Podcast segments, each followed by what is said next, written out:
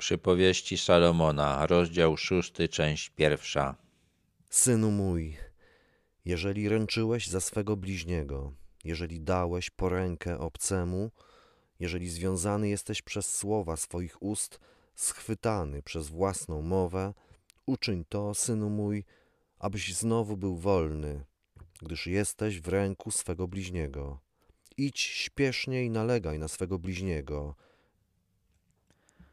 Czasami, aby czegoś nauczyć, dobrze jest pokazać przeciwieństwo tego, czego się uczy. Salomon uczy mądrości, pokazując głupotę. Jednym z przejawów tej głupoty jest dawanie poręki, czyli jakbyśmy dzisiaj powiedzieli, żyrowanie pożyczki człowiekowi, o którym, z którym nic nas właściwie nie łączy. Taka poręka to zobowiązanie, że jeżeli pożyczkobiorca nie będzie w stanie spłacić pożyczki, to dający porękę weźmie to zobowiązanie na siebie. Ten, kto zgodzi się na taki układ, przestaje być wolnym człowiekiem. Różne mogą być powody, że człowiek godzi się na takie poręczenie. Salomon w to nie wchodzi, bo to nie ma znaczenia. Poręczanie za obcego jest głupotą. Obcy to człowiek, z którym nie łączą więzy krwi. Żydzi żyli w społeczeństwie podzielonym na plemiona,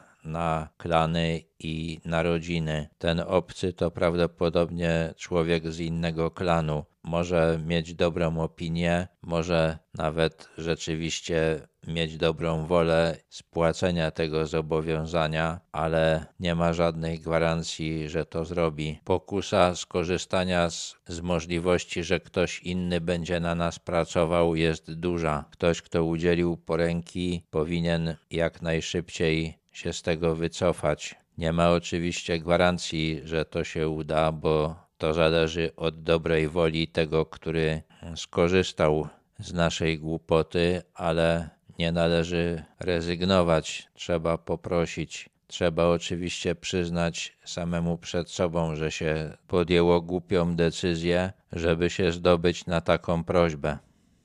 Nie daj zasnąć swoim oczom i nie pozwól, aby się zdrzemnęły twoje powieki. Wyrwij się jak gazela z sieci i jak ptak z ręki ptasznika. Wycofać się z takiej poręki trzeba jak najszybciej, najlepiej zanim się zaśnie, czyli w ten sam dzień. Takie poręczenie jest dla człowieka tym, czym sieć dla gazeli, czyli pułapką, z której trudno się wydostać. Naciągacz jest porównany do ptasznika, czyli człowieka, który co prawda nie umie latać, ale wie co zrobić, żeby e, ptaka schwytać. Idź do mrówki leniwcze, przypatrz się jej postępowaniu, abyś zmądrzał. Nie ma ona wodza, ani nadzorcy, ani władcy, a jednak w lecie przygotowuje swój pokarm, w żniwa zgromadza swoją żywność. Innym przejawem głupoty jest lenistwo. Społeczeństwo ludzkie stworzyło organizację, która ma między innymi na celu zmuszenie ludzi leniwych do pracy. Zwierzęta nie mają ani ludzkiej inteligencji, ani podobieństwa do Boga, ale też nie są dotknięte głupotą, tak jak człowiek. Mrówka, podobnie jak pszczoła, chociaż niemal nie ma mózgu, wie, że trzeba przygotować zapasy w czasie, kiedy żywności jest pod dostatkiem, żeby przetrwać ten okres, kiedy będzie jej brakowało. Człowiek leniwy, choć ogromnie przewyższa mrówkę inteligencją, nie wybiega myślą tak daleko w przyszłość i nie przygotowuje się na trudny czas. Salomon wzywa go, żeby przyjrzał się mrówce i stał się sam swoim własnym nadzorcą. Leniwcze, jak długo będziesz leżał, kiedy podniesiesz się ze snu? Jeszcze trochę pospać, trochę podrzemać, jeszcze trochę założyć ręce, aby odpocząć.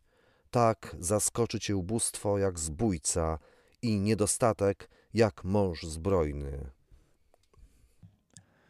Dla człowieka leniwego najważniejsze jest uniknięcie wysiłku. Spędza czas przyjemnie i nie myśli o tym, że za tę przyjemność przyjdzie mu kiedyś drogo zapłacić. Będzie zaskoczony skutkami swojego lenistwa, tak jak zaskoczeni są ludzie, na których napada wrogie wojsko lub zbójcy, chociaż skutki lenistwa są oczywiste i można łatwo przewidzieć, co się stanie, jeżeli człowiek nie będzie zabiegał o swoje dobro.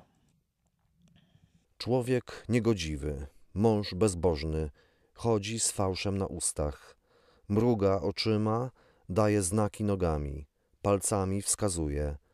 Kłamca nie chce być ukarany za swoje kłamstwa, dlatego stara się komunikować w sposób, który jest niejednoznaczny. Takim sposobem są na przykład miny czy gesty. Znacznie łatwiej jest wm- wmówić oszukanemu, że źle zrozumiał gest czy minę niż słowo.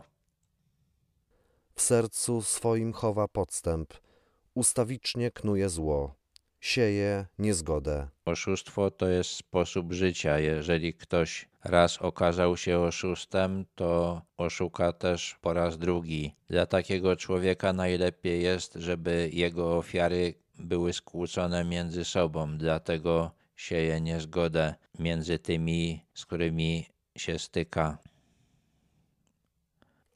Dlatego nagle spada na nieszczęście, w okamgnieniu bywa bez ratunku zdruzgotany. Oszuści bywają bardzo inteligentni i bardzo pomysłowi, ale Bóg zwalcza ich i w odpowiednim momencie taki człowiek doświadczy jego gniewu.